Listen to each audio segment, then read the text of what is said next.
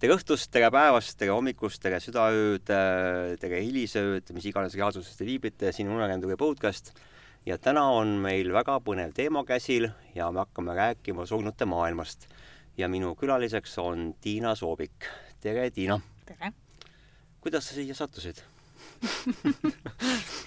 no tegelikult ma ise natuke tahtsin tulla ja siis sa ju kutsusid ka mind. ja, ja see oli väga, minu jaoks oli see väga meeldiv, et kui ma panin sinna Facebooki gruppi üles, et, et mis teemadest võiks rääkida ja siis sa olidki kohe esimese nõus, et aa, mina tahaks tulla, võiksin rääkida. jaa eks tegelikult ma tahtsin sind ka äh, näha lõpuks. et mis on... imeloom sa oled, kas sa oled ikka päris inimene? kas on päris inimene ja ja. ja näidata, et ma olen ka tegelikult täiesti tavaline päris inimene. jah, see ongi minu jaoks nagu hästi meeldiv, et läbi selle uneränduri grupi ja samamoodi ka siis läbi selle podcast'i on hästi palju inimesi tulnud, kes on võtnud nagu ühendust ja on julgenud hakata siis rääkima enda kogemustest mm. -hmm. ja siis ma saangi aru, et oh issand, et kui ma kuulan neid lugusid ja loen neid lugusid, onju, siis ma mõtlen, et aa, me oleme kõik nii sarnased. jaa, oleme küll, jah. jah, ja kõige hullem on see, et, et hästi paljud inimesed, kellel ei ole seda nagu toetusgruppi olnud, siis äh, nad tunnevad ennast, et nad on kõik natuke nagu segased sest kõik inimesed tahavad ravida, kes sellist asja ei koge. ma olen nõus, jah. ma just nüüd hiljuti andsin oma sõbrannale soovituse kuulata seda podcasti ja eile õhtul ta, ta oli siis päevaga ära kuulanud kõik. kõik osad? ja kõik osad kuulas ära ja ütles, et äh, ma saan aru, et ma ei olegi ainuke, kes on hull peast noh, heas et, mõttes hull. ta kindlasti kuulab ka seda tänast podcasti, et kellest iganes sa rääkisid, et me tervitame sind et me tervitame sind, et see hea võimalus tervitada, eks ju. ja, et meid on tegelikult päris korralik kogus. jah Äh, minu jaoks äh, ei ole Surnute maa mitte kunagi olnud midagi sellist nagu ülimüstilist ja salapärast, see on nagu elu osa olnud. kui sa nagu mulle esimest korda kirjutasid ja rääkisid seda, et sa valdavalt tegutsed surnute maailmas enda unenägemises, unešamaanluses, siis äh, mõtlesin, oh jee, veel vähemalt üks inimene, kes siis omab kindlasti põnevaid kogemusi ja mäletad, siis ma kirjutasin sulle sellest enda sellest raamatust lõigu, kus seal oli siis see, mismoodi ma ühte siis Surnute maa lendu nägin üle jõe, et kuidas need hinged peegelduvad sealt jõe pealt tagasi, et see oli minu jaoks hästi lummav vaatepilt mm. -hmm. aga enne, kui ma siis äh, küsin sult palju küsimusi ja lasen sul rääkida, et ma teekski sissejuhatuseks ära seda, et äh, rääkida enda kõige esimene astraallend Surnute maailma päris reaalajast, mis oligi niimoodi, et äh, mu ema suri, oli koomas, oli haiglas ja sel hetkel ma olin tegutsesin aktiivselt tegelikult inimeste aitamises ja ma teadsin seda, et on võimalik inimesi terveks teha, kui sa lähed koomas inimese teadvuse juurde, tood ta tagasi, ütledki, lepid kokku, et mis, mis teema on, et sa ei pea, sa ei pea ju sugema, sa võid ju edasi elada, onju. Mhm. aga kuna oli tema aeg, siis oli tema aeg, onju. sellegipoolest ma üritasin. ja ta oli haiglas voodis pikali, me olime palatis kahekesti ja ma panin siis mõlemad enda käed tema solaarplexuse peale. ja lõdvesin ennast ära ja mõtlesin, et nii, nüüd ma lähen astraaliga välja ja lähen otsin ta ülesse. ja see õnnestus mul esimest korda täpselt niimoodi, et nagu ma seda tegin, samal hetkel nagu välja hingasin, nii tõmbas see mind tunnelisse. ja see tunnel oli, noh, tol hetkel see aasta oli üheksakümmend neli, ei olnud siis igasuguseid filme wormhole'idest ja mingitest muudest asjadest. aga nüüd, kui ma vaatan mingeid Skifi filme, siis oo, näed, et inimesed äh, küllaltki täpselt on tabanud ära selle kahe maailmasõja vahelise tunneli sellise olemuse mm. -hmm ja see kiskus mind meeletu kiirusega kaasa. Ehm, tundsin isegi, et minu see vestibulatsiooniaparaat läheb lolliks. et ma tahaks nagu oksendada, onju. aga õnneks ei oksendanud. ja ühel hetkel, kui see lend lendas, minu jaoks tundus see väga pikk võrreldes nagu kõikide teiste lendudega. sama äkitselt nagu ta hakkas, sama äkitselt ma jäin seisma ja ma olin tunneli suu ees. ja see tunneli suu tuli nagu ühte suurde ruumi sisse mäga-, ma ei oska seda, isegi seda ruumi nagu määratleda, sest ma ei näinud selle ruumi piire. kõik oli selline hallikas, tumedam ja ma sain aru, et ma olen kuskil hästi kõrgel ja vaatan ülevalt alla. ja samal hetkel, kui ma siis allapoole vaatasin, mõtlesin, kus ma siis olen, et kus siis ema on, et mis nagu toimub, üritasin nagu siis seda äh, astraalis olles reaalsuskontrolli teha, et aru saada, et kas ma siis näen seda päriselt, kogen päriselt, olen astraalis, kus ma või mis ma siis olen, onju. Mhm. ja siis ma nägin allpool seal öö, äh, kuskil hästi niimoodi kaugel-kaugel mingid platood, heledamad platood. ta paistis, ta eristus sellest muust ümbrusest ja samal hetkel, nagu ma siis nägin seda, mu teadvus sööstis sinna niimoodi astraalis mind alla pauhti. ja sealt läks sirgjooneliselt, ei enam mingit ei väärnemist ega põiklemist. ja kui ma jõudsin sinna platoo peale, siis ma sain aru, et aa, kus ma siis olen, et siis sel hetkel see platoo muutus hiiglast suureks. et sealt kaugelt vaadates oli ta väike, aga siis sel hetkel oli ta nagu hästi suur. ja seal seisid inimesed. ja inimesed olid varjudena, tumedate kogudena, kujudena ja siis ma hakkasin nende inimeste vahel niimoodi läbi käima, et noh, ütleme piltlikult öeldes, et hea podcast'i kuulaja, kes sa oled, et, et kujuta ette, et sa oled malelaua peal ja seal on need mängunupud ja siis sa kõnnid seal nende mängufiguuride vahel ja siis vaatad igalühele niimoodi näkku ja kas sina oled, kas sina oled, ei, sina ei ole, sina ei ole, niimoodi käid ja vaatad neid, onju. ja nad olid kõik väga apaatsed, nad ei võtnud minuga ühendust, nad ei võtnud minuga kontakti. Nad olid seal omaette nagu oodates mingisugust nagu kohtuotsust, nagu täpselt niisugune tunne mm. -hmm. ja lõpuks ma jõudsin siis ka ema juurde välja niimoodi ja tahtsin teda siis, et ärka üles, tule tagasi, onju, et sa oled, onju, koomas. jõudsin temaga igatpidi suhelda niimoodi ja ei miskit see, see oli võimatu, siis mõtlesin, kuidas see võimalik, et ma olen ju Austraalias siin, sina oled siin, onju. et miks, miks me ei suhtle omavahel, miks ma, miks ma ei saa sinuga kontakti, et miks sind ei ole nagu siin mm, -hmm. et aga vaatame nagu täpselt nagu hüpnotiseeriti ühte suunas. ja siis ma märkasin, et nad on kõik näoga siis sellise suure, meeletult suure kooti stiilis värava suunas mm. -hmm. Ja see värav kõrgus selle, see oli kindlasti, selle värav lõpetas selle platoo, seal ei olnud aeda ega mitte midagi, lihtsalt oligi värav, suur selline võimas uks ja see uks oli minu hinnangul selline massiivne, nagu puidust tehtud, suurte vägevate selliste sepistega, hingedega mm. -hmm. ja siis tähelepanu läks nende käte peale. seal olid, ütleme siis avamisnupud, avamisnuppudeks olid käed, elavad käed mm. -hmm. ja need, ja need käed olid äh, põlenud, kõrbenud või täpselt sellised nagu, et, et kui keegi äh, laseb nagu leeklambiga tegelikult üle põleva liha või kes on enda nagu surnud inimest, kes on põlenud. selline noh, mitte päris ära põlenud, aga selline vahepealne mm. -hmm. vot need käed olid sellised, need liikusid ja nende käte küljes olid ahelad. ja siis hakkasid need käed ise liigutama ja hakkasid iseennast avama, väravad hakkasid iseennast avama niimoodi. ja see, sellega tuli selline meeletu kõrge heli ja sealt äh, väikse prao vahelt hakkas tekkima selline intensiivne valgus see valgus oli nii valus, et ma ütlen, ma ei, ma ei oska seda isegi kirjeldada, et isegi päike ei ole nii äge, kui oli see valgus mm. -hmm. ja samal hetkel nagu see uks natukene hakkas juba avanema, ma mõtlesin ei, siis ma sain aru, et ahaa, et tegelikult nad lähevad kõik sealt läbi ja ma panin siis, no ma olen ju tugev oma jõu poolest, et ma panen oma käed vastu, ma lükkan selle ukse kinni, onju. aga see, selle ukse jaoks, selle jõu jaoks ei olnud mind olemas. ma polnud mitte keegi mm. -hmm. siis ma sain aru, et ma ei ole mitte keegi, sul võib olla mis iganes, onju. sul võib olla palju andeid ja endeid ja väheloomi, mida kõike, aga sa ei ole suuteline mitte midagi tegema selle jõu vastu, mis on nii võimas mm. -hmm. ja siis see uks läks lahti ja kõik need varjud kadusid.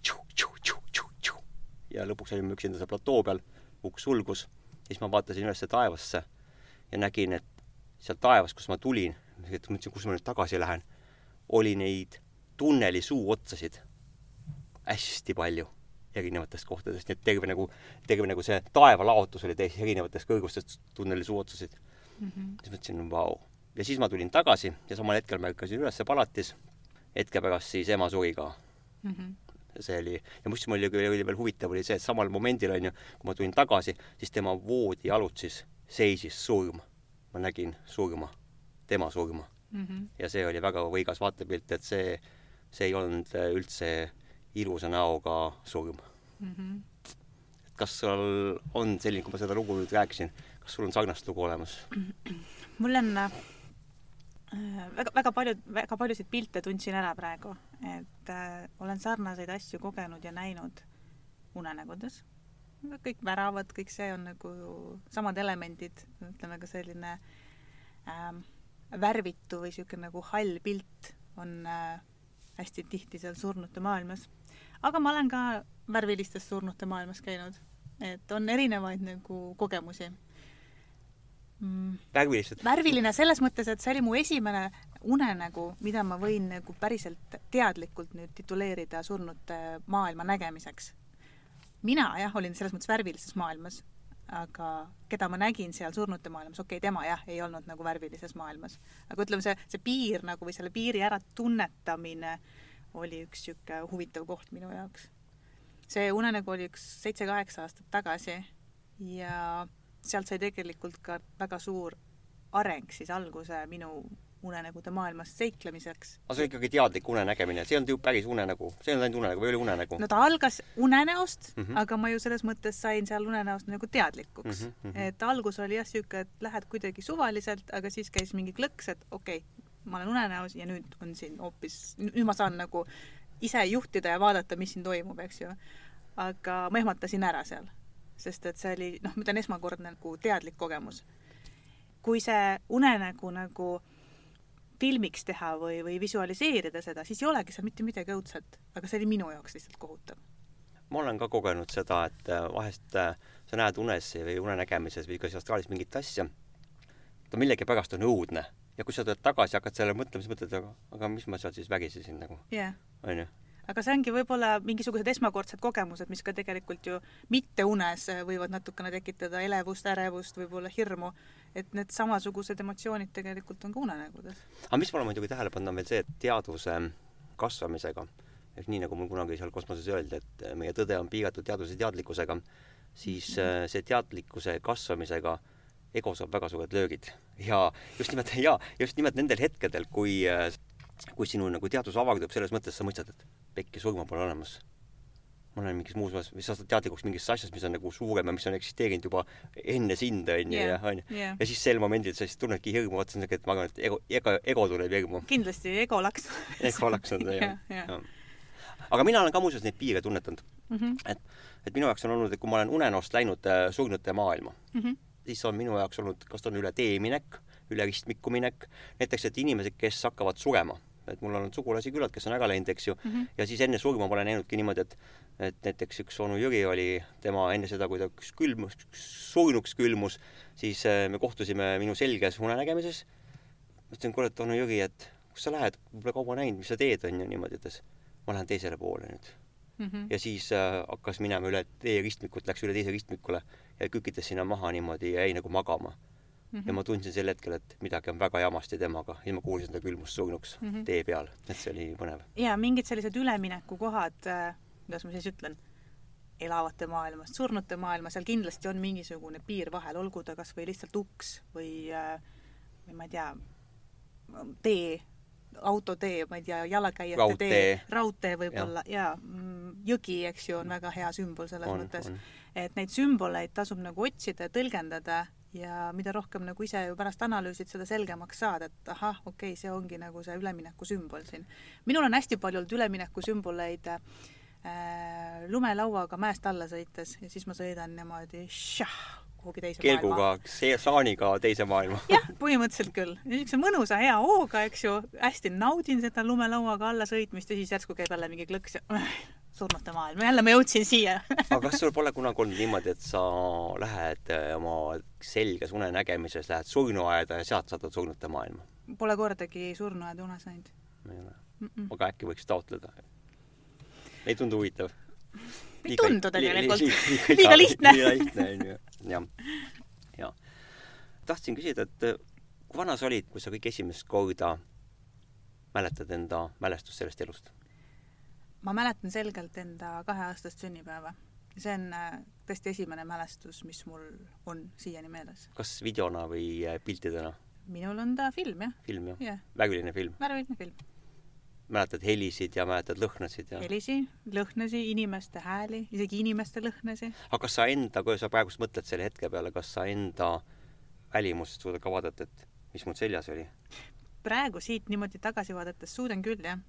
sest kuna see oli mu sünnipäev, noh, esiteks mu emotsioon oli see, et ma olin hästi rõõmus mm. -hmm. ja ma olin ähm, just üles tõusnud, on mul niisugune mälestus, ja mul oli seljas mingi öösärgi moodi asi juuksed natuke sassis ja ma kilkasin ja hüppasin igal juhul voodis mm.. ja see pilt on mul nagu jah, selles mõttes silme ees.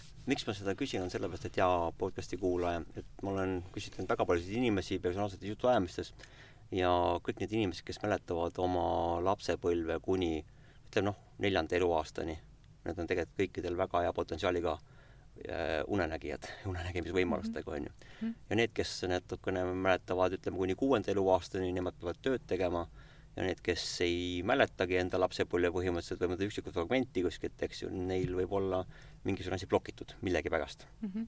ei tea, miks, aga siiamaani see minu praktika peab nagu seda paika mm. -hmm. ja see on vaata esimene küsimus. ja reeglina need, kes mäletavad varaajasest, nemad näevad ka värviliselt, nemad ka lendavad ja sa oled ka lennanud kindlasti. jaa lendan hea meelega. lendad hea meelega? nii ise kui lennukiga mm. kui kuidas meeldib, iganes. meeldib, meeldib. ise meeldib väga lennata mm. -hmm. jah. lennukiga lendamine on tavaliselt niisugune üks sümbol, kus ma tunnen võib-olla millegi ees hirmu, aga, ja siis ma alati vaatan, kuidas need lennukid nagu kas õhku tõusevad või õhus on ja lendavad, et see annab nagu ka hästi palju infot nagu enda hetkeseisu korra kohta või siis nagu emotsionaalse seisukorra kohta. kui me sinuga rääkisime enne, enne seda podcast'i kohtumist, siis, siis äh, ma iseenda jaoks tuvastasin sellise ühe mõtte, et, et see, mida sa mulle räägid ja see, mis on sinu kogemused, et sa oled tegelikult üks pagas unešamaan et vaata, kuigi no välimuse järgi või öelda, onju, et sa oled šamaan, onju, niimoodi ja meist paljud ei paista välja niimoodi sellised, aga see, mis sa teed ja see, mis sa oled, et see on kõik ühel, ühel tõelisel Tolteegi unešamaanil omane mm. -hmm. et kui ma küsingi nagu sellest lähtudes, et kas sa une nägemises oled ravinud kedagi? olen, oled? ja milline oli tulemus? positiivne. ja kas see oli selline ravim, et sa ütlesid inimesele, et ma ravin sind? no esiteks olen enda peal, eks ju, katsetanud kõige rohkem, oma laste peal ja ma olen alati, kui ma olen kedagi nagu tahtnud aidata, siis ma olen eelnevalt ikkagi küsinud ta käest, kas ta on nõus sellega mm. -hmm. sest et mulle tundub endale võib-olla natuke vägivaldne kellegi teise ruumi tungida, sest et unenägudes on mul võimalik minna teiste inimeste alateadvuse infole täitsa lähedale, ligi ja ma ei taha seda teha ilma selleta, et nad ei teaks mm. Kas see tundub nagu sellise, et ütleme, et meil on see GDPR siin riigis on ju, kus on kõik see, kõik, kõik isiklikud andmed, isikuandmed on nagu väga-väga hoitud ja kaitstud, eks ju mm. -hmm. siis äh, ma olen ka tähele pannud, et unenägijatele see ei loe mitte midagi, et tegelikult ta pääseb inimestele ligi, kui ta tahab. pääseb jaa, aga ma arvan, et siin ongi natuke minu jaoks see eetikaprintsiip võib-olla mängus. Võib-olla ma olen nii algaja alles selles, et selles, et võib-olla, võib-olla need päris mingid väga suured šamaanid teevad kõike nii, kuidas tahavad, võib-olla neile on see lubatud, aga ma, mina praegu ennast limiteerin ja must, eks sa teed seda tunde järgi. jah, seda ka. jah, et peaasi mitte, mitte siis iseendaga vastuollu minna. jah. et tuleb üks, just üks mälestuspõhjust ette, et mina pole alati küsinud inimeste käest luba mm.. see oli niimoodi, et mul ema oli väga haige inimene ja kui ma sain aru, et ma saan enda teises reaalsuses inimesi aidata, see mõjub, et see astraalmaailm on tegelikult ülem siis sellest äh, niinimetatud siis äh, füüsilisest maailmast. siis sel momendil ei tulnud selle pealegi, et ma peaksin üldse luba küsima, vaid ma sõitsin trolliga, äkitselt ma sattusin teise tähelepanusse, ütleme minu jaoks see maailm kadus, trollibuss kadus mm. -hmm. tema oli minu ees nagu mingisuguse, nagu mingisuguse lava peal. Ja ma panin talle käed neegude peale ja ma võtsin sealt neegudest välja need kivid, mis tal seal olid, mis talle haiget tegid kogu aeg ja need kivid muutusid liivaks, pulbriks mm -hmm. ja haihtusid ära. ja kui ma jõudsin koju, tollal ju mobiile midagi polnud, mul läks tund aega veel koju, et sõita. ja kui ma tulin koju, siis ema ütles mulle, et ütle, kas sa tegid midagi. ma ütlesin, mis mõttes, mis ma tegin, mis sa tundsid? ütles mulle, et tead, ma tundsin, et sa oled nagu minu sees. Ja mul, käisin WC-s ja mul tulid kõik äh, neegukivid nagu liivana välja.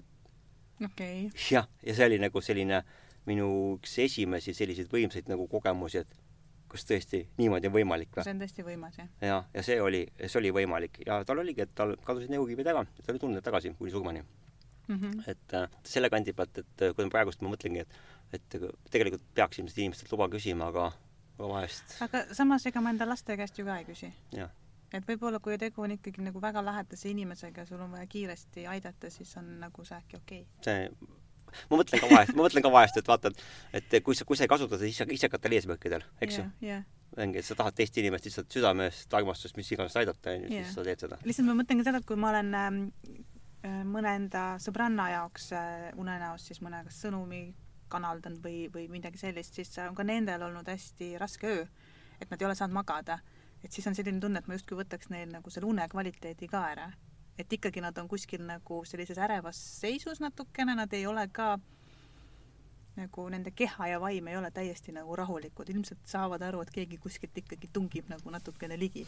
tegelikult ongi nii, et unenägijad, see on nüüd nali, eks ju, unenägijad ongi teiste inimeste õudusunenägude põhjustajad, eks no ega tegelikult ei ole see ka mingisugune nali. No igas naljas on natuke tõtt vahest. Jah, et see võib vabalt niimoodi olla. jah. aga kas sa mäletad oma kõige esimest surnute maailma kogemust? ikka mäletan. aga mis on nagu elavalt niimoodi just nimelt, eristub teistest?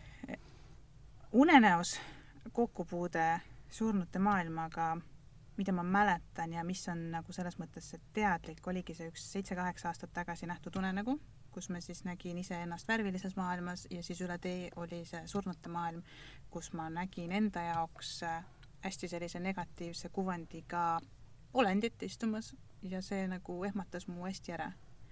aga noh, ilmselgelt meie maailmad olid eraldatud. ja nagu ma enne ka ütlesin, siis see filmina lavastatuna ei olekski mitte midagi õudset, aga see oli nagu minu jaoks õudne mm. -hmm. Võib-olla siis ka selle energia pärast, mis nagu tegelikult sealt surnute maailmast võib-olla nagu tuli. see ehmatas tegelikult see unenägu mu ülesse, et ma läksin sinna unenäkku sisse, ma tegelikult sain nagu teadlikuks ja siis ma üks hetk nagu ehmatasin ennast ülesse. ja niimoodi, et mul tegelikult oli täiesti nagu külm higi üle keha. kas sa oled ka ette näinud inimeste surmasid? ma olen täiesti teadnud ette inimeste surma ja selleks ma isegi pole pidanud unenägu nägema. aga see, kuidas see tuli sinuni, see teadmine? See on väga hea küsimus, kuidas ta tuli. eks ta intuitsioonina tuli. lihtsalt, et ei mõtle mitte millestki, äkitselt tuli, et näiteks jah, mingid teadmised lihtsalt tulid. Mati sureb ära? no põhimõtteliselt. põhimõtteliselt niimoodi, jah? et unenäos sa, nojah, mul on seda ükskord olnud, aga et on nagu Alma endana niimoodi olnud mm, -hmm. eks ju. et nagu tunned, et see pahatunne tekib sisse mm. -hmm. no kui ma olen nagu unes ette näinud asju, siis ma olengi mõelnud, et miks see on niimoodi, et miks unes nagu näeb unenägi ette, et. Vaata, kui sul on mõni inimene eriti lähedane mm, -hmm. siis äh, läbi selle nägemise ma saan tegelikult teadlikuks ja ma saan tegelikult aru, et see hakkab mind ees ootama, see tuleb varsti, on ju, päevakorda mm. -hmm. ja tänu sellele on need asjad nagu kõik palju lihtsamalt läinud mm. -hmm. et noh, ütleme, et mulle meeldib mõelda niimoodi, et tegelikult sealt ülevalt poolt keegi hoiab sind, et annab sulle infot ette sellepärast, et sa saaksid sellega aega kohaneda. jaa, sellega ma olen küll nõus, jah. jah, et seda ma olen nagu tähele pannud, et see on nagu päris, päris mm -hmm. nii mul on tegelikult nagu erinevaid toredaid kogemusi sellest, kuidas ma olen surnute maailmas käinud. no räägi palun, kuulaja kuulab hea meelega. et äh, üks selline võib-olla enda jaoks niisugune äh, huvitav kogemus oli kus ma olin, eks ju, alguses lihtsalt nägin und, pidin sõbrannaga peole minema koos, me sisenesime siis nagu ühest uksest, kust sai peole, ja siis ma jäin nagu üksinda, sõbranna mulle ei järgnenud enam, kõik muutus jälle halliks ja ma sain aru, et okei okay,, nüüd ma jõudsin jälle surnute maailma siia. ja seal oli mul üks äh, tuttav, kes oli siis hiljuti ära surnud. Läksin tema juurde, ütlesin, oo kuule, tšau, et, et sa ka siin, et äh, räägi, et kuidas siis on surnud olla, küsisin ta käest siis ta vaatas mulle otsa, ütles, oi, tore sind näha, et tead, ei ole üldse viga. nagu väga okei okay on surnud olla. meil on siin väga okei okay olla. ja et noh, et, et me nüüd hakkame siin varsti umbes a la pidutsema ja siis me lähme magama, noh, täiesti tavalised sellised päevarutiinid nagu meilgi. ja siis ta ütles mulle ühe sellise huvitava lause, et, et ma pean varsti ära otsustama, kuhu ma nüüd uuesti tagasi tahan minna, et kas Eesti või Jaapan, et sellised valikud olid tal mm ja siis mind nagu taheti nagu viisakalt sealt välja juhatada, et kuule, et aitab, et sinu aeg on nüüd nagu läbi, mine siit uuest trepist alla, uksest välja ja ütlesin okei okay,, ma lähen. aga kes see sind üritas suunata? keegi, keegi., kellel ei olnud kuju, ütleme mm, siis nii. okei okay., aga sa tajusid teda nagu jõuna, eks ju? ja, ja selliseid jõutajumisi on ka nagu olnud äh, üpris palju tegelikult. kas sa iseenda surma oled näinud? ei ole. ei ole näinud mm, -hmm. jah? ma olen äh, teinud küll taotlusi enne magama jäämist, aga ei ole jah. mina tegin sellise taotluse ja mm -hmm. see viskas mind äh, unenägemisest astraali mm -hmm. ja äkitselt tulevikku. Ja see oli nii ilus külm hommik, niisugune päike kuldas männilatvu. ja ma olen korraga haua juures ja vaatan seda hauda ja käin ümber selle haua niimoodi, lendan õigemini teadvusega ja tunnen siis, nagu see pärgade lõhn on, eks ju, ja siis see Eh, liivasegune mullalõhn, mis on värskelt kaevatud, on ju, mis on segunenud selle pärgade lõhnaga ja siis samamoodi see õhulõhn, mis oli sel hetkel nagu see natukene külmem juba, et sügise poole, niisugune kas väga kevade sügis, on ju. ja siis vaatan seda, vaatan neid linte ja seal peal on minu nimi. Ja korraga mul äkitselt hääl sõidab sisse niimoodi, et hinga sügavalt, tunne, kuidas lõhnab sinu surm. See oli nii creepy, saad aru, see käis mul niimoodi külmavärinate, et noh, et mõtled, et astraalis ja unenägemis pole võimalik külmavärinat tunda. see oli nagu, see, see, see raputas mind, kuidas lõhnab sinu surm, noh, see mm -hmm. vaata, et see väljend juba selline, et see viskas mind välja sealt. Yeah.. ja ma ei ütle, et ma nagu kartsin, et ma oleks nagu hirmunud olnud, aga mm -hmm. see oli selline nagu sellise jõuga öeldud asi ja siis ma ärkasin ülesse ja ma ei saanud pool päeva enda ninasõrmedest välja seda nagu, nagu ma oleks nagu, nagu mingisuguse haua sees niimoodi tuhnimas käinud, nii nagu, nagu mingi metssiga on ju, niisugune tunne, et see kõik, see lõhn oli mul pikka aega niimoodi ninas sees mm. Mhm. -hmm ja siis me mõtlesime selle väljendi peale, et kuidas lõhnab sinu surm, et noh, normaalsed inimesed nagu tegelikult ei ütle, et ei küsi, et kuidas lõhnab sinu surm, onju, et sellised asjad juhtuvad lihtsalt teispoolsuses, no tegelikult hirm lõhnab ja ja lõhnab küll, surm lõhnab ja Jah, jah, kõik tegelikult lõhnab. et selle, selles mõttes on nagu hea mõelda selliseid asju, et ma praegu räägin seda väga lõbusalt, onju, ja siin mm. -hmm. saabki üks lõbus hetk olema, et mul üks hea tuttav ütles ka, et et ilmselt selle elu kõige suurim ja vägevam hetk saab olema tema surm, kui ta saab teadlikuks, et mismoodi on surra. Täitsa võimalik. aga samas, ega seal surnute maailmas või nagu surmas ei ole minu meelest mitte midagi nagu hirmsat ega õudset. et see on, see on kuidagi nagu pigem selline lõdvestunud koht, kuhu minna. ja samas äh, olen ma kuulnud ka ju sellist väljendit, et et seni, kuni me kardame surma, seni me kardame ka elada. kui me enam surma ei karda, siis me ei karda elada ka. mina lapsena kartsin kogu aeg oma lähedaste pärast. et nendega juhtub midagi, onju. Mis enda pärast ei kartnud, tegi mulle tekke, et äh, surm oli silmade ees ikka mitu korda. aga alati hoiti. siis ma nagu iseenda pärast ei kartnud. unenägemistest tuli ka see välja, et kui oli nagu võimalik surra, siis ma surin hea meelega. kas sa oled enda unenägemistest surnud? ei ole. ei ole mm. -mm. ei ole hüpanud kuskilt pilvelõhku katuselt alla ja mul on olnud väga palju selliseid hetki, kus ma oleks pidanud oma unenäos surema, aga ma ei sure. Sul on vedanud no näiteks praegu kohe tuli meelde selline olukord, kus oli mingi põgenemistseen oma endise ülemusega koos olime seal ja siis me arvasime, et me oleme nagu päästetud, me istusime ühe tooli peale ja siis ikkagi tuli, et püssitorud olid suunatud meile. käis juba lask ja siis ma lihtsalt lükkasin oma ülemuse pikali ja ise ka ja need kuulid lendasid meist mööda. Ma just mõtlesin, et sa lükkasid ülemuse kuuli ette ei, ei, ma lükkasin ta pikali ja ise nagu hüppasin talle peale ja kuulid lendasid meist mööda. et noh, mingeid, mingeid selliseid olukordi on päris palju olnud, selliseid napikaid nagu. aga võib-olla on siit nagu järgmine point see, et võib-olla ma peaks laskma ennast korra ära tappa unenäos näiteks. siis ma näeks oma surma. Äh, mul tuli praegu meelde see, et näiteks kui ma olin noor ja nägin ikkagi selgeid unenägemisi, mis tegelikult ma sel hetkel arvasin, et no ma ei teadnud seda, et selliseid niimoodi nimetati, onju, olin Mhm. ka Austraalias kohati, onju. Kui unenäos oli püssilask või mingi kahuripauk mm. -hmm. tavaliselt, ei ole häält. aga surnute maailmaga oli niimoodi, et kui käis latakas ja oli hääl, siis ma teadsin, et sellel on mingisugune väga suur tõuge siin maailmas, et tavaliselt hääl ei tulnudki surnute maailmast siia maailma. et kui see Mhm. häälega oli, oligi pauk oli kuulda, siis ma teadsin, et midagi juhtub siin mm. -hmm. peab millekski valmis olema. Mm -hmm. kas sul on niisugust äh,, ei, minul on unenägudes kogu aeg hääled on hääled? ja, püssipauk ka käib ja püssipaugud käivad ja hästi palju nagu ka kehalisi aistinguid on, mm? -hmm.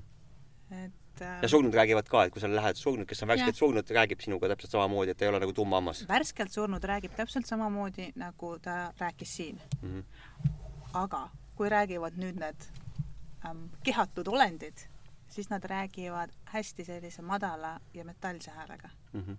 See vahe see on nagu see äh, vaata nagu Eesti folklooris on see hauapõhjast tulev hääl, eks ju. jah, täpselt sama, ja, ja, ja võib küll selle paralleeli tuua, jah. kui mul ema suri ära, nüüd oli koomast läks, teadvusele ei tulnud enam, siis oli nii, et noh, mul jäid hinge pakitsema, ma teadsin ikkagi, et astraaliga on võimalik ikkagi ühendust saada. ja pärast surma, kui ta ära surnud, ma sain temaga ühendust. ja Mhm. me kohtusime nii huvitav, see polnud kohtumispaigaks, muutus äh, laste mänguväljak. Noh, aga pärast mõtlesin, et on jumalast loogiline, et mina olin tema jaoks laps, mm. -hmm. eks ju. ema jaoks jääd sa lapseks ja jäid elu lõpuni lapseks, onju. Mm -hmm. ja mina olin laps ja mängisime seal mänguväljakul ja tema oli nagu järelvaataja. ja siis ma küsisin talt äh, kõik need küsimused, mida ma tahtsin muidugi küsida, kui ta oleks elus olnud, aga ma ei saanud neid küsida. ja ta vastas nendele ja ta vastas nendele ka sellistele asjadele, mida ta ei saanud selles mõttes teada, kuna need juhtusid sel hetkel, kui ta oli koomas ja pärast seda Mm -hmm. ja seal oli üks dilemma küsimus, et seal osad haigla personal käitus väga halvasti ja osad olid väga südamlikud.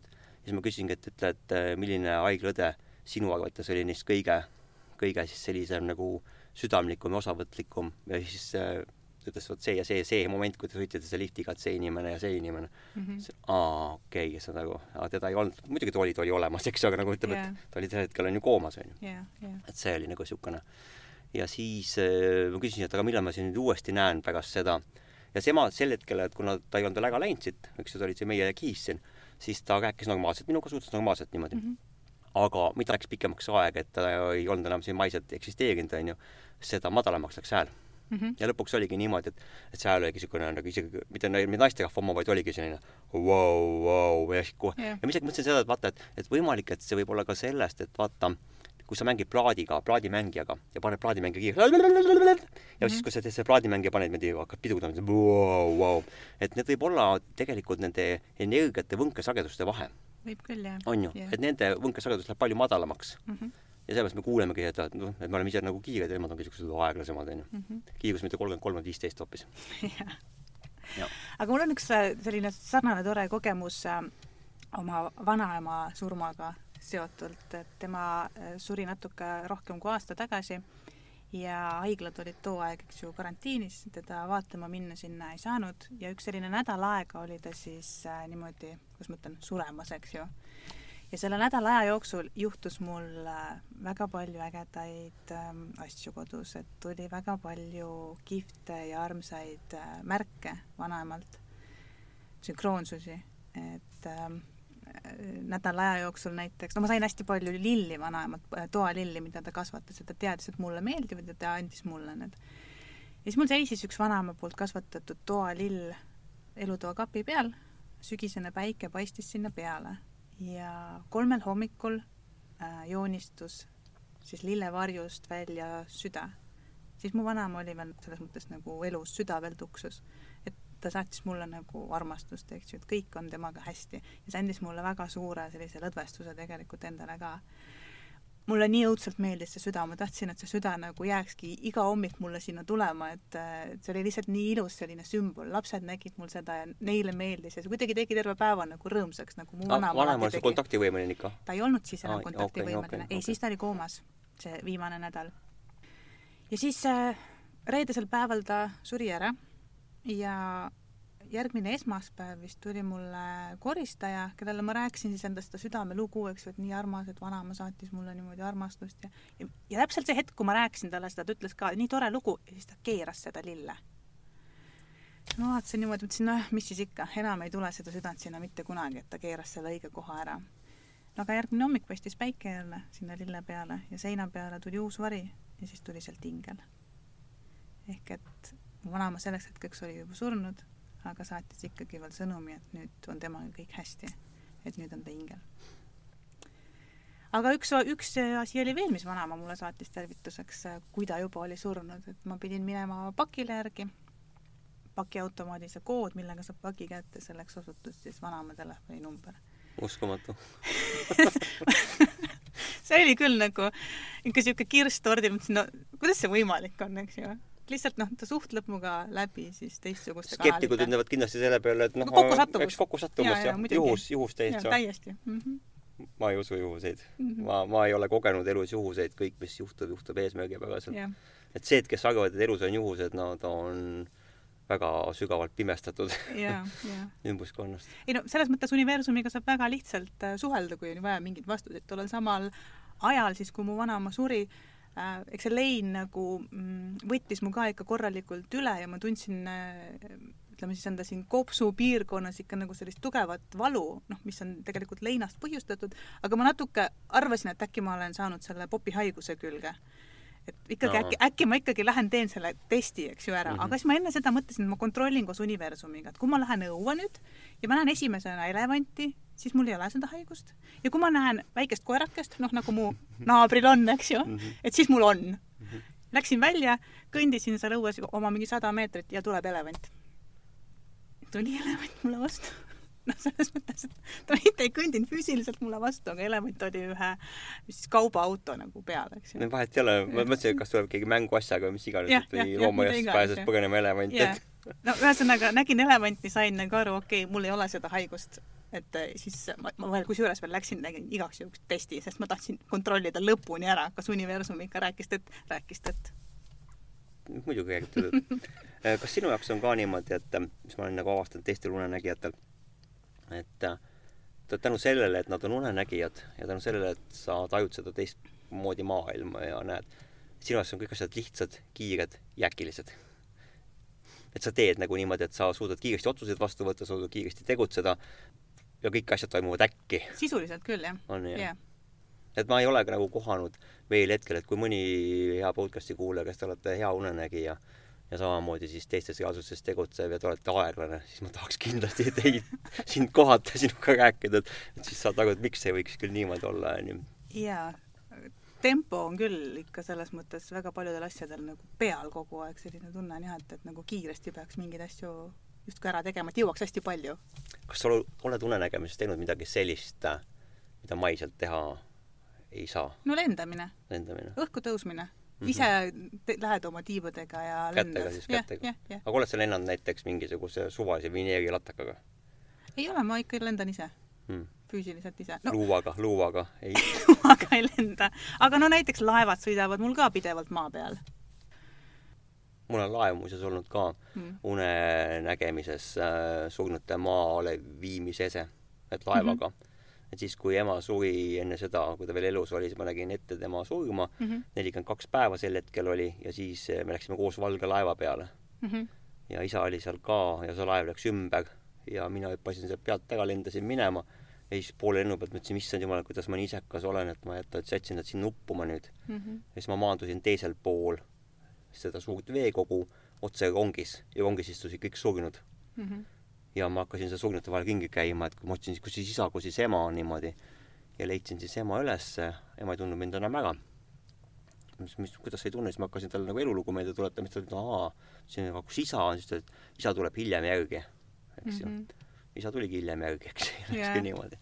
aga mis oli muidugi oli huvitav, ma olen nagu seda mitu korda näinud, et siis, kui nad elasid, nägin ette nii, et et kui ma läksin astraali läksin tulevikku, siis ma nägin neid surnute maailmas seal koos olevat mm. -hmm. mul tegelikult ei meeldinud mõelda seda, et vaata, kui sa oled mingi inimestega, kellega sa oled harjunud koos olema, et mingil hetkel sa jääd neist ilma. see nagu et sellegipoolest ma tean, et seda on ju, et ma olen ise olnud teisel pool, näinud seda kõike niimoodi pealt ja ja tean, et surma pole, aga sellegipoolest niimoodi vahest, et mõtled, et ma tean, et kui nüüd järgmine elu tuleb, me ei ole enam need inimesed, ei ole enam need näod, on ju mm, -hmm. ja on hoopis teised rollid ja teised asjad, et vot seda hetke, et vahest mul on seda, seda natukene võib-olla on vale öelda kahjutunne, aga siiski, et mul, mul meeldib vahest niimoodi, et mm, see oli nii mõnus hetk või mingisugune yeah. armas asi, et, et ma tean, et ma ei saa seda mitte kunagi yeah yeah.. kas sul ka siukseid mälestusi on? no natukene ikka on jah. eks, eks ikka on ju kahju, kui äh, väga lähedane inimene su kõrvalt lahkub, eks ju, olgu ta kas või vana-vanaema, eks ju, kes, kes juba peabki minema, noh, ikka on jah. tahaks muidugi näha teda jälle uuesti ja teada, mis ta teeb, aga samas võivad meil, meie lähedased hinged kehastuda meiega siiasamma ellu ka veel. et see ei ole ka üldse mingisugune ime. tean, tean. mul oli see aasta suvel oli niisugune kogemus, et läksime abikaasa ja lapsega koos Haapsalusse ja seal äkitselt tuli üks naine juurde ja hakkas rääkima ja tuli välja, et tema äh, poeg oli ära tapetud mm. -hmm. ja siis see poeg inkarneerus uuesti tema äh, mini ja lapseks mm. -hmm. ja siis, kui ta mulle seda rääkima hakkas, ma tundsin seda, mõtlesin, et räägite tõtt. ma sain seda nagu niimoodi, siis ta vaatas, mõtles, et sa tead, sa näed on ju, et see on jah, et ma tean, kui inimesed räägivad tõtt ja ma tean, kui, kui seal taga on see, see noh, see sõnum on olemas, on ju yeah., et temaga on kõik korras, Sebastianiga on kõik korras mm. -hmm. et ta tuligi uuesti, et kaitsta teid, on ju, jah aga muidu ise niimoodi, et ma enda surnud ringkonnast ei ole tundnud veel kedagi, et keegi oleks inkrimineerinud, seda ma veel ei ole tunnetanud. mina olen, aga las see las, las, las see jääb saladuseks, eks ju, jaa. jah, aga mul praegu meenus veel üks äh, huvitav unenägu enne vanaema surma ma olin vanaema vanas korteris ja vanaema ei olnud kodus ja siis käisid ukse taga koputamas järjest tema juba surnud sõbrannad, küsimas, kas vanaema on kodus. et me tahaks temaga nüüd nagu ka siin hängida, eks ju. jah, see oli niisugune ka märgiline, et näed, juba tullakse järgi tegelikult, et juba tahetakse tegelikult teda sinna teispoolsusesse. Aga kas ta ise nagu, kuidas ta rääkis sellest, kas ta, kuidas ta ootas, ootas ta surma, ei oodanud surma? ei oodanud, tahtis elada mm? -mm tal oli väga suur elutahe mm. -hmm.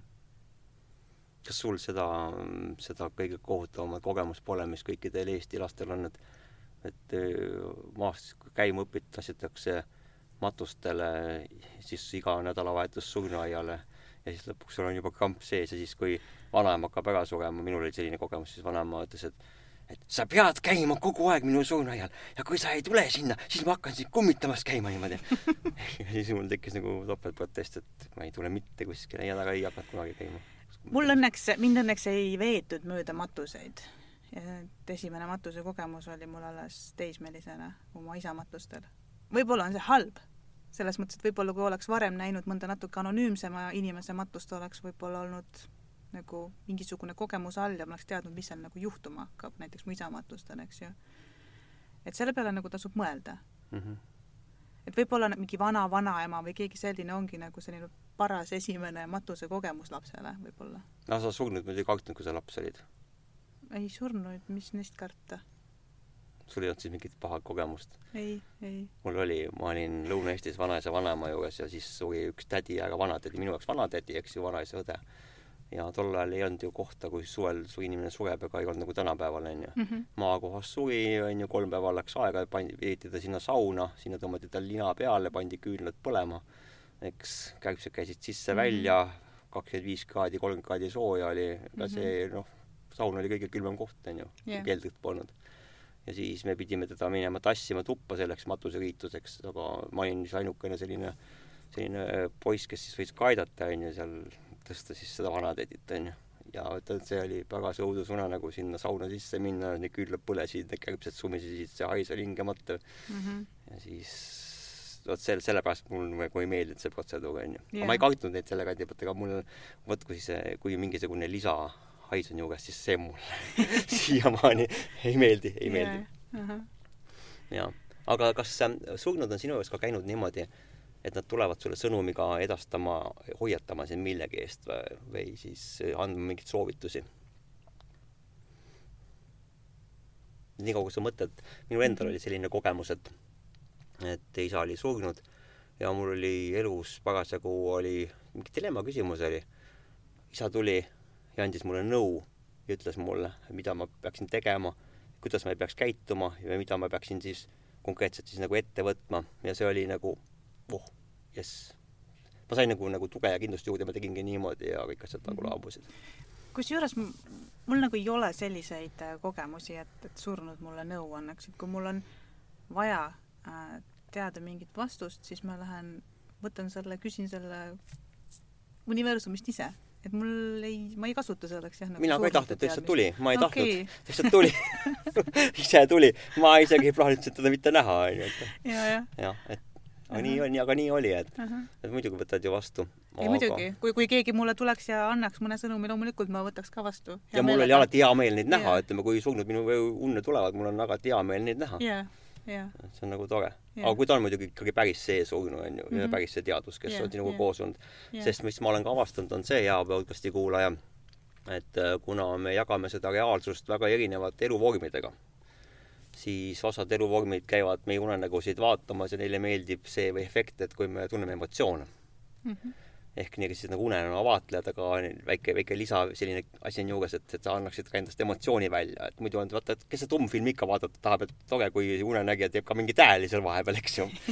ja seda noh, et seda võib nimetada ka ründamiseks, eks ju, unenäos või niimoodi. jah, ma olen seda tajunud, et võetakse lähedase inimese vorm ja kuju, kes on sulle eriti hingelähedane.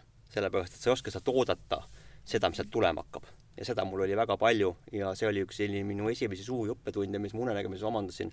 et õppida ennast kaitsma ja eraldama siis, eristama siis seda teadvust, kes oli päriselt minu siis vanaisa, isa vanaema või kes on siis see fake teadvus ja selle taga on hoopis keegi teine, kes siis üritab minust mingit emotsiooni kätte saada ja Mhm. mind mitte kiusata, aga noh, ütleme, et siis ongi, toituda sellest. Mhm. kas sul on samasugust kogemust? praegu tegelikult meenub küll üks selline kohe jah, aga selliseid äh, lähedaste kuju äh, võtvaid kogemusi mul nagu pigem ei ole, küll aga neid selliseid rünnakuid on ja need on pigem olnud ka kujutud energiad, kuidas ma ütlen, kujutud olendid, nojah, energia, kes mind ikka mingi kuju peab olema veits läbi, läbi, läbi, mingi vorm tal on ju, kui ei ta ole, ei ole. Mm -mm. Need, kes on nagu mind rünnanud, need tulevad lämmatavalt mulle peale kas ta tuleb siis peale, et sa magad ja tuleb sul magades peale või ta tuleb sealt, sa oled mingi tegevuses ei, ma olen unenäos mm. -hmm. ja siis äh, tuleb mingisugune energia justkui minu poole nagu suruks mu vastu seina, et ma ei saaks nagu ei liigutada, istuda, astuda, mitte midagi mm. -hmm. aga Mhm. noh, see hetk siis tuleb teadlikku unenägemisse minna ja siis ma saan nagu sealt ta on välja. nagu see unehalvatuse teema on ju idee poolest, et sa ei saa liigutada. jah, põhimõtteliselt küll, võib, võib öelda unehalvatus jah ka, aga tänaseks ma oskan teha neid switch'e, eks ju mm. -hmm. et äh, ma ei jää nagu sinna lõksu, vaid ma ikkagi saan sealt välja. aga äkki sa ütled hea podcast'i kuulajale ka, kes sind kuulab praegust, et mõne hea nipi, et kuidas seda switch'i teha? Kuidas sa, kuidas, kuidas selle peale tulid, et mingeid switch'e teha, mis sa teed selleks või kuidas sa tulid no esiteks on ju hästi halb seal olla, eks ju mm. -hmm. et äh, ongi selline tunne nagu, et ma võin tegelikult praegu siia ära lämbuda või ära surra nagu mm. -hmm. üks asi, kuidas mina olen kontrollinud, et see on uni näiteks, on äh, lülitite klõpsutamine, mingid lambilülitid, mis iganes, no mis iganes, mingi nupp jääb kuhugi nagu käeulatusse seal unes, siis võib seda proovida, kas see toimib, kas midagi muutub sellest peale? Mhm. kui ei muutu, siis üldiselt on unenägu. Ja siis saab juba hakata nagu edasi sealt töötama, et kui tõesti on väga raske olukord, siis ma olen kutsunud endale appi mingisuguseid vägevaid inimesi siitpoolt unenägu, keda ma tean, üldiselt nad tulevad mulle appi ja siis me, siis ma nagu pääsen sealt. Mhm. aga üks variant on veel ka muidugi see, et enda jõudu lihtsalt kasvatada ja küsida siis selle vastase käest nii-öelda, et kes sa oled ja anda talle valikuvõimalus. muidugi ma ei tea, mis selle infoga teha, kui teada saad, kes sa oled, eks ju. võib, võib-olla on ka sellega midagi teha, eks ju. aga küsida või anda talle valikuvõimalus, et kas, kui sa ründad mind, siis ta peab arvestama sellega, et ka mina võin tema jõu ära võtta. et äh, ka tema võib nagu kaotada. ja teine variant on see, et ta lihtsalt lahkub. mulle väga meeldis see, et sa korraks ütlesid, et jõu ära võtta, et ütleme sellest hetkest alates, kui ma nagu teadvustasin, et on olemas teadlik unenägemine mm. -hmm. siis see maailm tõukas mind seda ka tammima, et just nimelt, et äh, on kolm varianti. Küsida oma energia tagasi, oma jõud tagasi, et mm. -hmm. kas heatahtlikult, et saatke tagasi, mis on sinu Jah. kas kurjaga või siis trikitades. aga noh, selles mõttes ongi, et kui ikkagi nagu mingisugune selline suur rünnak nagu minu vastu toimub, no mina ei ole väga nagu kakleja ka seal unenägudes, kuigi ma tean, et ma võidaksin kõiki, kes mind nagu ründavad. aga kas sa tapnud oled seal? no ei ole. Ma ei ole nagu siuke ründaja. sa oled põhimõtteliselt ikkagi saanud niimoodi, et äh, kui läheb madinaks, siis sa ma olen läbirääkija. läbirääkija? jah, jah. okei. aga noh, tegelikult jaa, see on väga huvitav teadmine, kui küsida, et kes sa oled. et siis äh, tead ka võib-olla peale unenägu vaadata natuke la rohkem lahtiste silmadega ringi, et kes need inimesed tegelikult su ümber siis on. Mhm. kas äh, on midagi sellist, mis sa oled nagu avastanud läbi unenägemise ja läbi selle suurte maailma, et vau, mis asi nagu niisuguse vau-efektiga olnud sinu jaoks? võid sa niimoodi lambist öelda, see on eksprompt küsimus täitsa, onju. muidugi võin ühes äh, unenäos, kus minuga kõneles äh, põhjatus tühjuses, võiks öelda, hästi metallne hääl ja ulatas mulle võtmed. ja ma küsisin ta käest, et mis võtmed need siis nüüd nagu on, mis sa mulle annad. ta ütles, need on väravavõtmed. Siis mul tekkis ka seal nagu segadus, et mis väravavõtmed, mis ma nende võtmetega nüüd siis nagu peale hakkan. väravavõtmed, need on nüüd sinu. ja siis ma olin seal unenäos ja mõtlesingi nagu niimoodi ärk-, ärkvel olles unenäos, et väravavõtmed, et ma tean ainult ühte venda, kellel on väravavõtmed, see on Peetrus. et kas nüüd tõesti need anti nagu mulle või? et mis toimub? siis ma olin seal nende võtmetega, põhjatus tühjuses, eks ju. mingid väravad olid ka mu ees. Ma ei proovinud kahjuks neid võtmeid sinna, sest ma olin lihtsalt nagu unenäos, ma olin šokis, ma ei saanud aru, mis toimub. aga need võtmed jäid mulle aga kas sa neid võtmeid oled veel näinud pärast seda enda inventaaris? Ehm, ei ole kusjuures. ma arvan, ma tegelikult ehmatasin ära sellest unenäost nagu päriselt ka, et nii unenäos olin ehmatanud et sa kui võid ka pärast. Peetrus olla, et sa võid ei, ma Peetrus olla. mõtlesingi, et nagu, nagu selline vägev vend, eks ju. et ma tean, ma tean ainult ühte inimest, kellel on võtmed või noh, ühte olendit, kellel on võtmed, eks ju, see on Peetrus. ja nüüd saan mina järsku ta võtmed endale või. aga tegelikult ei, see ei olnud päris see Peetruse võtmed, need olid muud võtmed. ma ei tea, kui sa seda juttu mulle rääkisid, siis mul nagu seal sees oli tõde niimoodi, et äh, see on seal kuskil kahe vahel. aga need on tähtsad võtmed, et aga see jaa, on sinu lugesin, ma lugesin selle unenäo äh, nagu kirjelduse üle, mis ma, mis ma siis olin just vahetult kirja pannud ja siis see olend oli veel mulle nii öelnud, need on ainult läbipääsuks. Mhm. et need on ainult läbipääsuväravad. jah.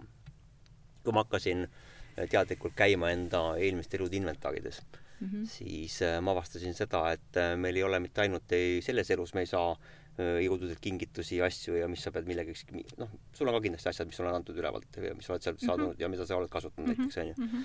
Et äh, mina olen nendest rääkinud, võin vabalt tulevikus rääkida ka, aga tean, väga paljud inimesed ei julge neid jagada, et need on, et kui sa nagu umbes sa avalikustad oma amuleti, siis see kaotab jõu ja mm -hmm. need on nõgad, nõgad, nõgad inimesed, kui jõud nii lihtsalt asjast välja läheb, eks. ma arvan ka me ei tohi rääkida, et oo, et mul on rebane minu tootev loom, et siis on mm -hmm. ju, siis ma saan sind kahjustada, on ju, et ega neid rebaseid on sadasid, tuhandeid, miljoneid, on ju, võta kinni, milline rebane, hõberebane on ju, mingi muu rebane äkki on hoopis rebane mingist teispoolsusest, eks yeah..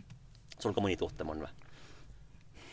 on tulnud sinna ööde läbi unenägemise? no loomasid on küll on, ja erinevaid, aga need käivad ka mingite perioodidega, et vahel on rebased, vahel on jänesed. vastavaks tööks vastav, vastav loom. hunt, mina olin nii pettunud, kui ma tihase endal sain ja aga siis, kui ma käisin surnute maailmas ja see tihane mind sõna otseses mõttes läbi erinevate surmavägavate tassis, siis ma sain aru, et vau wow,. ei tasu alahinnata, väge, vägevat lindu pole olemas selle yeah, töö jaoks yeah., kui tihane on. jah, jah et eh, kotkas oleks hätta jäänud, oleks, tahaks, poleks mahtunud sinna mõni asi oli väike, mõni asi oli mhm. väike niimoodi.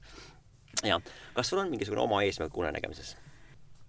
Neid eesmärke tegelikult tekib praktiliselt iga õhtu mul mm, kas, iga õhtu üks taotlus, eks ju. kuidas sa pingereastad, on see olnud praegu niimoodi, kas nad on sul välja kirjutatud või on nad sul nagu peas et...? tegelikult tänane eesmärk on see, et ma tahaksin äh, mm, veel tihedamini, veel rohkem käia sellistes põnevates kohtades, noh näiteks nagu Surnute maailm, sest see info, mis sealt mulle nagu tuleb, see on väga äge. ja millest ma olen ka nüüd nagu natuke aru saanud, et äh, võib-olla ka sellised lähedasemad inimesed, kes on ära surnud ja kes veel ei pruugi olla aru saanud, et nad on surnud, siis nende nagu edasiaitamine läbi unenägude nagu nii-öelda koju võib olla ka see üks eesmärk. ja siis, äh, mis mulle endale muidugi meeldib, on enda tuttavatele, sõpradele, sõbrannadele mingisuguste mm, siis sõnumite kanaldamine läbi unenägude, et see on nagu, see on, see on äge. ühesõnaga kosmose tõlkimine. kosmose tõlkimine jah, et tegelikult see info on kõik olemas, aga nad lihtsalt ei leia seda enda siit nagu pudru ja kapsa seest, eks ju, ülesse. ja siis ma saan lihtsalt natukene niimoodi aidata aga noh, samas ma väga naudin lihtsalt ka mingisuguseid mõnusaid selliseid ilusaid lillelisi, liblikalisi unenägusid, kus ma ei ole ärkvel, kus ma lihtsalt, lihtsalt naudingi nagu sellist teistsugust kulgemist, et see on, see on ka väga äge. aga kas sa blackout'i ka naudid, et sa õhtul leidad ja hommikul ärkad? seda esineb harva, aga tegelikult naudin mina yeah, ka. see ongi nii, et, et vahest, kui on nagu liiga palju kogetud, siis ma lapsena mõtlesin, ma ei taha näha mitte midagi, ma yeah. tahan, ma tahaks nii, et mitte midagi, ma tahaks yeah. lihtsalt magada, ma ei mäleta mitte midagi ei näe mitte midagi, onju. ja eriti, kui sa veel nägid ette, et mingid halvad asjad juhtuvad yeah.. et siis eh, noh, lapsi kohutab see, onju. mul on olnud ka selliseid perioode, kus ma olen ikka tundnud, et nüüd on kõik, ma rohkem ei taha, ma ei suuda, ma ei saa välja magada, mind häirivad need unenäod, aga nad on üldiselt olnud siis ka mingisugused sellise hirmsa alatooniga unenäod, mis just tegelikult tulevad näitama seda õiget kohta, kust peaks hakkama siis edasi liikuma. jah. kas sa oled ka une läbi saanud sellist asja, et sul on mingi koht ja sa ütled, et sulle õpetatakse mingi lause selgeks, öeldakse mingisugune selline asi, mida sa siis maiselt korrates, sul lähevad automaatselt asjad elust täide nagu noh, tänapäeval nimetatakse seda manifesteerimiseks yeah., kas sa oled unenägemuses manifesteerinud ja see on kohe siin täide läinud sõna otseses mõttes lähiaja jooksul? tuleb mõni selline hetk, ei ole? no nii ja naa, ma ütleks tegelikult selle peale, et kui ma olen ka näiteks seadnud mingi taotluse unenäoks, et ma tahaksin endale saada infot ja ma saan näiteks selle hästi negatiivsena, siis ma tegelikult teen sealt järelduse, et okei okay,, ma ei taha, et see olukord niimoodi läheks, järelikult ma pean tegema mingisuguse muutuse, et see läheks positiivses suunas. et igatepidi on neid nagu selliseid sõnumeid või manifesteerimisi nagu olnud küll, jah.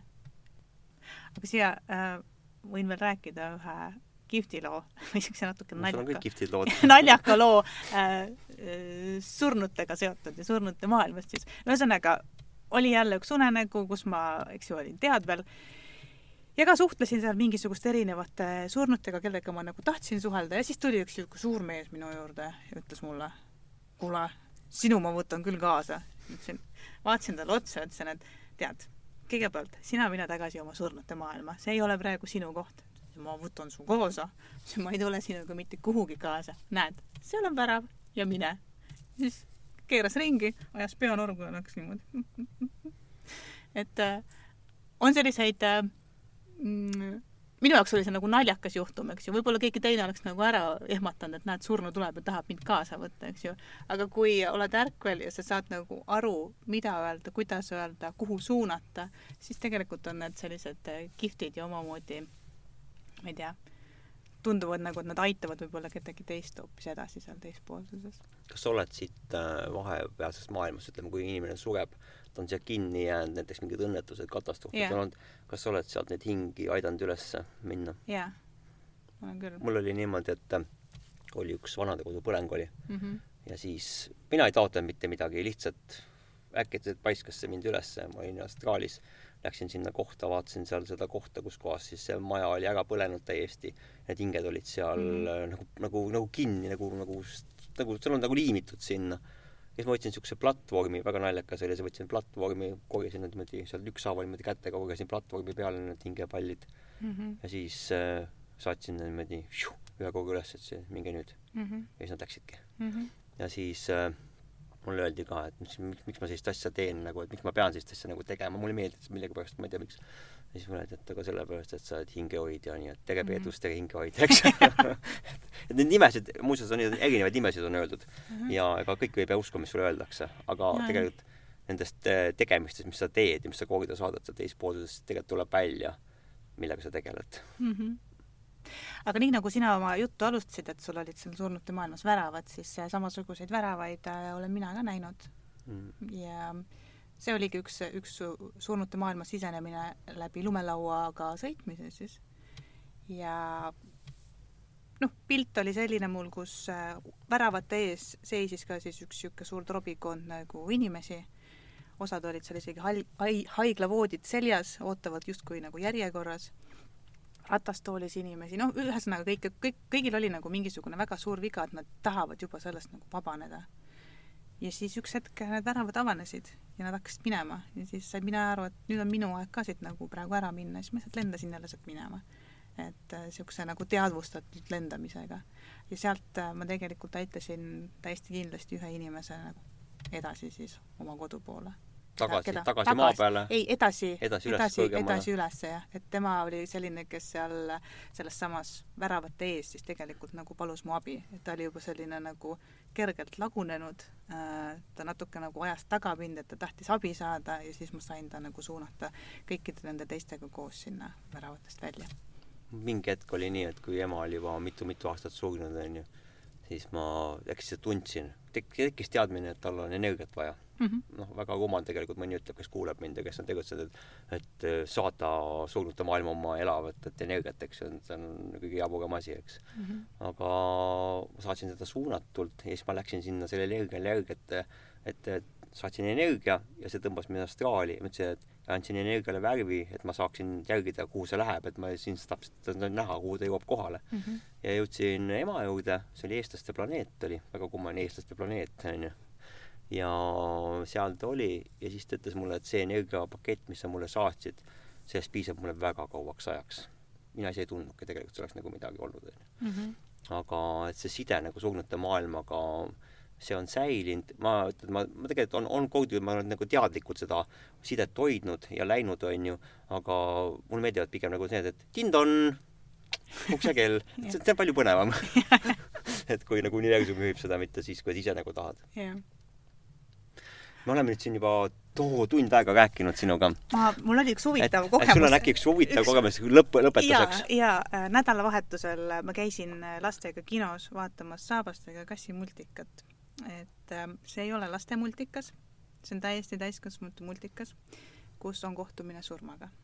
punaste silmadega, see külmetas mind täiega, see Jah. see multikas. jah. ja tegelikult surm ei ole nii õudne.